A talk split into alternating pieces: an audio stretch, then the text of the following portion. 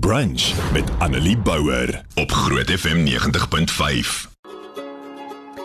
Verlede week het ons so 'n bietjie gekyk na daai nie tradisionele seënbede en uh, dit is ook 'n gebed wat dan ons sommer saam gedoen het wat sê dat ons die Here vra om ons in hierdie jaar wat voorlê te seën met liefde verander. Dis eintlik waarop dit neerkom. Te seën met dit wat ons vir ander mense wil wees en dit wat ons gaan nodig het om dit te kan doen. Nou vandag gaan ons bietjie ook so aan die begin van die nuwe jaar stil staan by Spreuke 4 vers 23 wat sê wees veral versigtig met wat in jou hart omgaan want dit bepaal jou hele lewe. En hierdie is my so 'n groot konsep en so 'n moeilike ding partykeer om te verstaan om te dink dat dit wat in my hart omgaan en en dit wat in my gedagtes omgaan, dit wat ek voel en dit wat ek dink bepaal my hele lewe. En as jy my ken dan weet jy ek is 'n groot voorstander en ek glo vas daaraan dat lag die beste medisyne is, dat positiwiteit altyd aan die voorrang van die dag moet wees. Dat dat om positief te wees verander hoe jy na die lewe kyk. Om positief te wees help jou deur daai moeilike tye, want dit gee vir jou hoop. Om 'n positiewe houding en 'n positiewe gedagtes te hê is iets wat ons almal dan deur moeilike tye dra en ook help om gelukkiger te lewe. En hier sê die Bybel: "Wees versigtig met wat in jou hart omgaan, want dit bepaal jou hele lewe." Nou ek het al voorheen vir van my vriende gesê dat en hierdie is my opinie, maar ek glo vas dat geluk 'n keuse is wat jy maak. Geluk is nie iets wat net met jou gebeur nie. Partykeer ja, maar om gelukkig te wees, om gelukkig te lewe, om met blydskap na die lewe te kyk, om met positiwiteit na die lewe te kyk, is 'n besluit wat jy neem.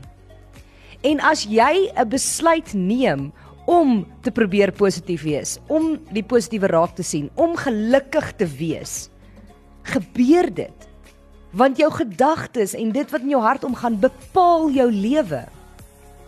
Dis nie altyd maklik om positief te wees nie. Dit is nie altyd maklik om die mooi in die lewe raak te sien nie, want soms is dinge swartgallig, soms is dit negatief, soms gee ander mense net vir jou negativiteit terug en dit maak dit baie keer moeilik. Ons het al in 2020 eh, op radio hier oor gepraat en gesê dat een van die moeilikste dinge vir ons in ons werk was om positief te bly terwyl ons self onseker is oor wat die toekoms inhou en wat COVID gaan doen. Om mense te probeer opbeer terwyl ons net negativiteit terugkry. En tog kon ons dit regkry want dit is 'n besluit wat jy neem. So om gelukkig te wees, om die Here in alles raak te sien, is 'n besluit wat jy neem. Dis 'n keuse wat jy maak. En as gelowige sien 'n mens dan God se hand in alles om jou raak. Jy sien God se hand in die natuur, jy sien dit in jou werk, jy sien dit in die moeilike tye hoe hy jou dra en dan voel 'n mens nie so hopeloos en so alleen nie. So ek hoop jy gaan probeer om 'n meer positiewe leefstyl te probeer volhou in 2022 om nie net op die negatiewe te hamer nie. En sosiale media het ons ook al gesê maak dit so moeilik want mense share negatiewe dinge. Die nuus wys vir ons negatiewe dinge en dan spring ons so vinnig soos die Engelsman sal sê op daai bandwagon en voor ons onsself kan keer is ons in hierdie gat af en word dit net erger en erger en erger en erger en begin ons kwaad voel, begin ons hartseer voel, begin ons alleen voel, begin ons net die negatiewe raak sien. So probeer dit in die oggend om vir jouself te sê vandag gaan 'n goeie dag wees. En selfs al gebeur alles nie soos ek dit beplan het of gehoop het nie, gaan ek dit kan hanteer want die Here is saam met my. Probeer as jy op Facebook of Instagram of watter sosiale media platform of 'n WhatsApp groep jy ook al aanbehoort, sien dat ander mense negatiewe kommentaar lewer. As hulle nie, maak nie saak, mense hoef nie saam te stem nie, hierdie het ons ook al gesê. Maar die manier wat jy verskil is waar jy onderskei waar gelowiges en en mense van God onderskei word van ander.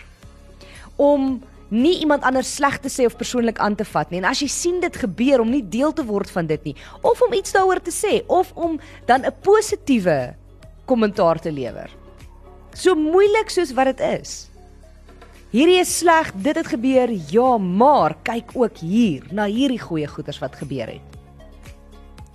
Mag jy in 2022 'n meer positiewe uitkyk op die lewe hê. Mag jy die Here se hand in alles raak sien, want hy is in alles. Einstein het gesê, jy kan na die lewe kyk asof niks 'n wonderwerk is nie, of jy kan na die lewe kyk asof alles 'n wonderwerk is. Daar is nie 'n middelpad nie. En as gelowiges weet ons dat alles 'n wonderwerk is.